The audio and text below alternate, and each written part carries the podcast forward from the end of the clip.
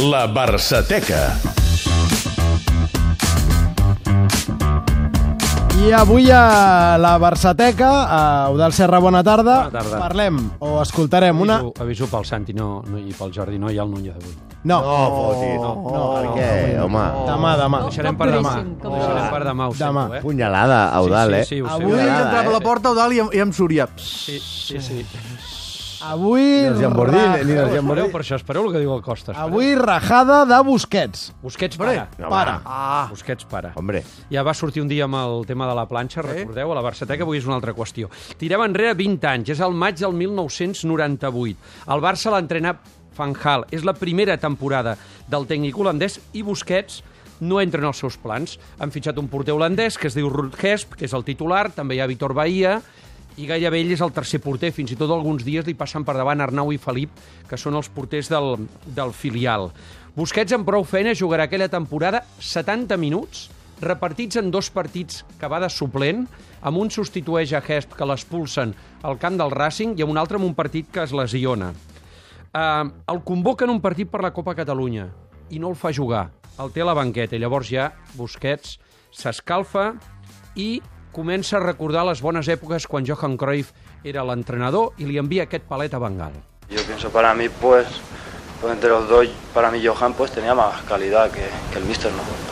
Sobre todo tácticamente y, y en cosas de esquemas y de, y de jugar y de todo, ¿no? Yo pienso que también hay que ver dónde jugó uno y dónde jugó otro. El, la, el, el remat final eh, és bastant, bastant contundent. Bé, què replica Van Gaal? Doncs això, el sentirem traduït perquè en aquella temporada era la primera, tot just encara no parlava castellà.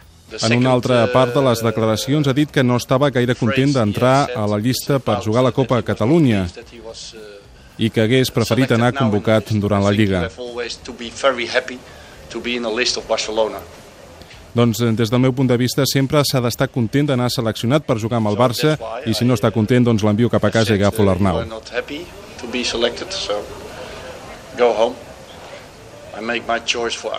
Què va passar després? Va haver-hi algun intent per arreglar-ho? Sí, va haver-hi reunió entre els dos, ara ben bé arreglar-ho, arreglar-ho, no es va acabar d'arreglar del tot. Fancal i Busquets van mantenir, com dèiem, una reunió en què es van exposar totes les qüestions damunt la taula, tot i que, com dèiem, la situació va variar poc aquella temporada. Pero que yo pienso que en las declaraciones tampoco dije, dije nada, nada raro, ¿no?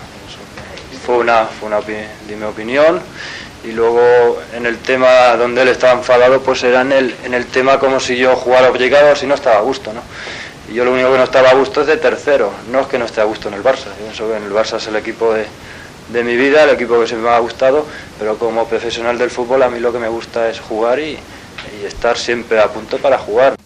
A l'acabar la temporada 97-98, Busquets va marxar del Barça, va fitxar pel Lleida, on hi va estar fins al 2002, als 35 anys, Carlos Busquets va anunciar la seva retirada. Ja veieu un dia més que s'estava sí, sí. molt més entretingut mm. fa 15 o 20 anys enrere, eh? El políticament correcte ens ha matat a, a tots, és, és així. Eudal, gràcies. Fins ara.